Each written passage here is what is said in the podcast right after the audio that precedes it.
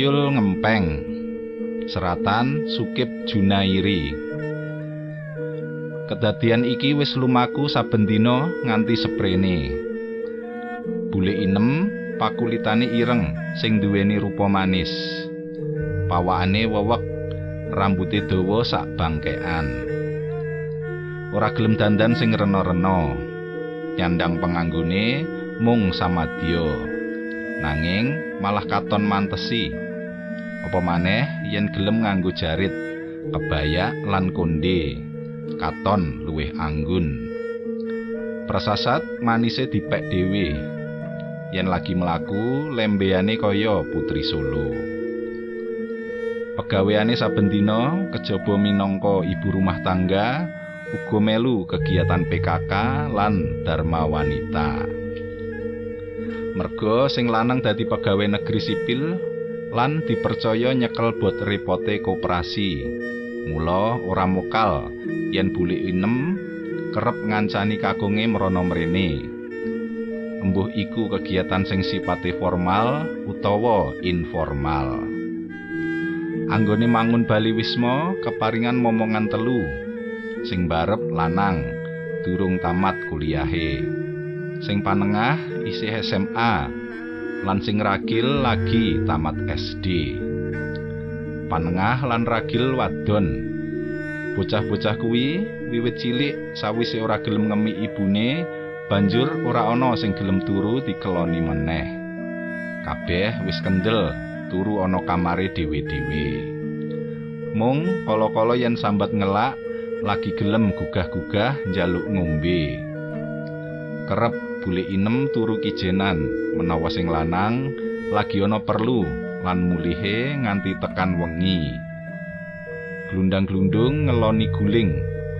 Ora lali nalika turu saben dina ora nganggo kemul, mung nganggo daster lan ora nate gelem nganggo rok lambi sing rada kandel. Senajan mangsa adem pisan. Nuju sawijining dina kaya adate anggone turu bule inem kijenan. Watara bubar lingsir wengi, dheweke ngrasakake menawa ana sing ngemut payudarane. Krasa dimimiki bocah cilik.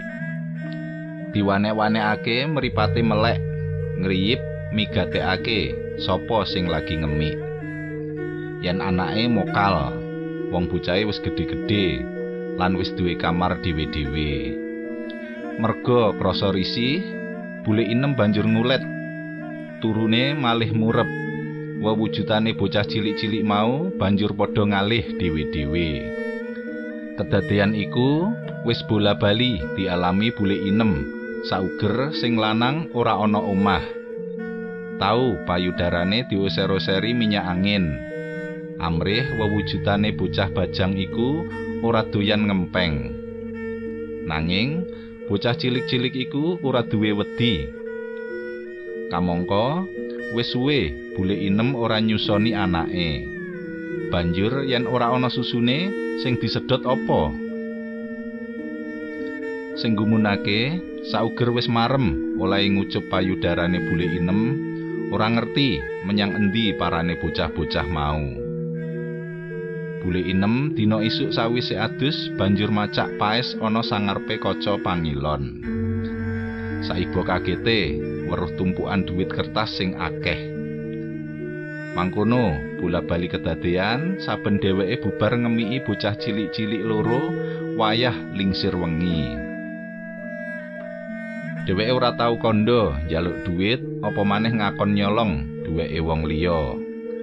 Kaya ceritane wong sing duwe ingon-ingon tuyul, saben do dikongkon nyolong duit, mbuh duweke sapa ora ana sing ngerteni. Sing baku angger bali kudu nggawa dhuwit. Mula kerep diarani menawa ana wong sugih anyaran kena dipestekake, mesti duwe ingon-ingon tuyul. Nanging bule inem iki ora mangkono. Dheweke ora duwe ingon-ingon tuyul. Kawit biyen ora seneng marang babakan ngono kuwi. Luwih becik urip pas-pasan waton anggone golek dhuwit saka tetes keringete dhewe.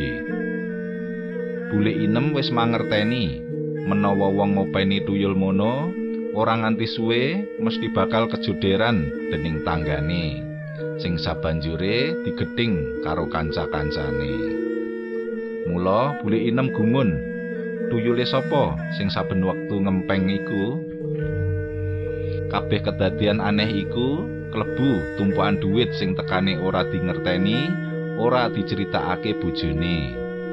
Bojone uga ora takon-takon saka ngendi bule inem duwe dhuwit ngertine sing lanang bule inem iku wonge gemi nastiti lan ngati-ati.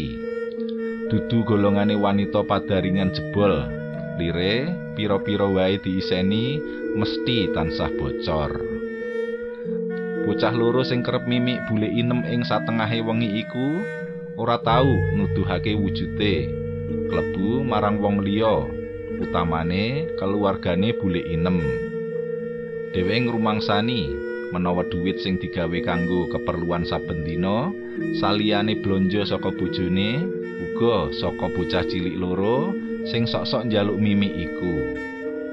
Nanging kepriye anggone arep nolak weruh-weruh wis ana dhuwit ana kono ora mangerteni sapa sing duwe tinimbang mubajir mula banjur digunakake kanggo keperluan liyane Nanging suwe-suwe bule inem duwe rasa wedi.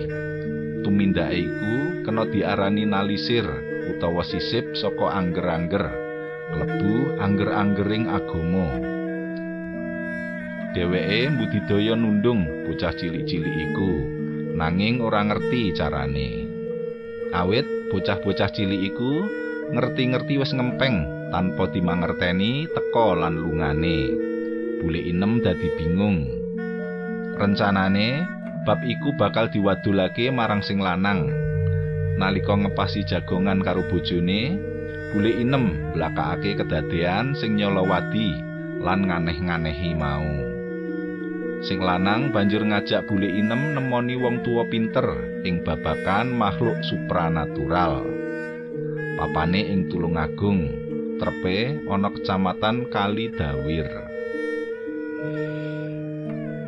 Dening sesepuh mau, bule inem diwenehi pituduh.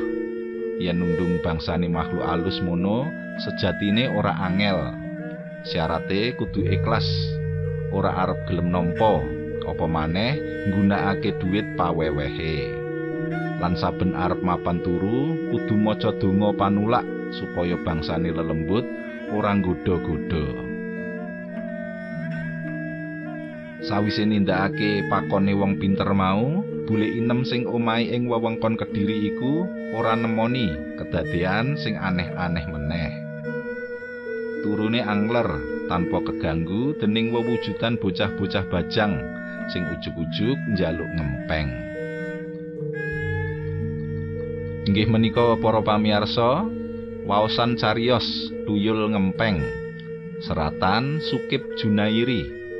Kapetik saking kalawarti panyebar semangat nomor petang puluh limo tanggal wolu November 2014 matur nuwun